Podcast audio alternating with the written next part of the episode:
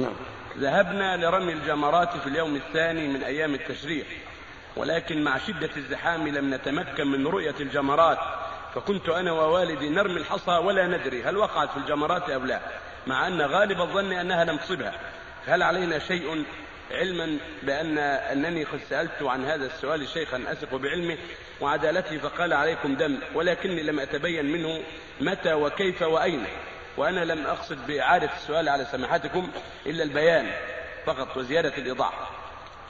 إذا كان الغالب على عملكم أنها لم تصل المرمى مثل ما قلت فإن عليكم دم مثل ما أفتاكم الذي أفتاكم.